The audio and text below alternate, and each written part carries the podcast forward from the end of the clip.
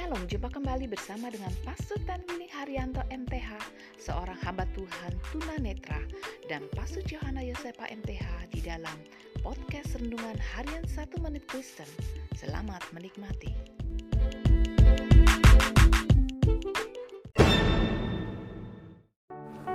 Shalom saudara yang berharga di mata Tuhan, senang dapat jumpa dengan saudara. Hari ini firman Allah mau mengingatkan kita untuk percaya kepada Allah meskipun engkau dilupakan orang.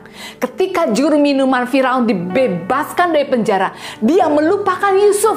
Seharusnya dia berterima kasih kepada Yusuf atas pembebasannya dan mengingat pesan Yusuf.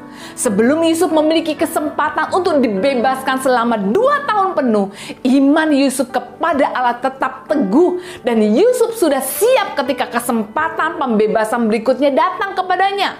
Kalau saudara merasa diabaikan, tidak dipandang atau dilupakan oleh orang lain, kita seharusnya tidak kecewa bahwa orang-orang sering tidak berterima kasih atas kebaikan kita. Sepertinya saudara memiliki pengalaman sama dengan Yusuf. Untuk itu, milikilah iman dan tetaplah percaya kepada Allah, sebab masih ada kesempatan-kesempatan besar yang disediakan Allah untuk kita. Amin.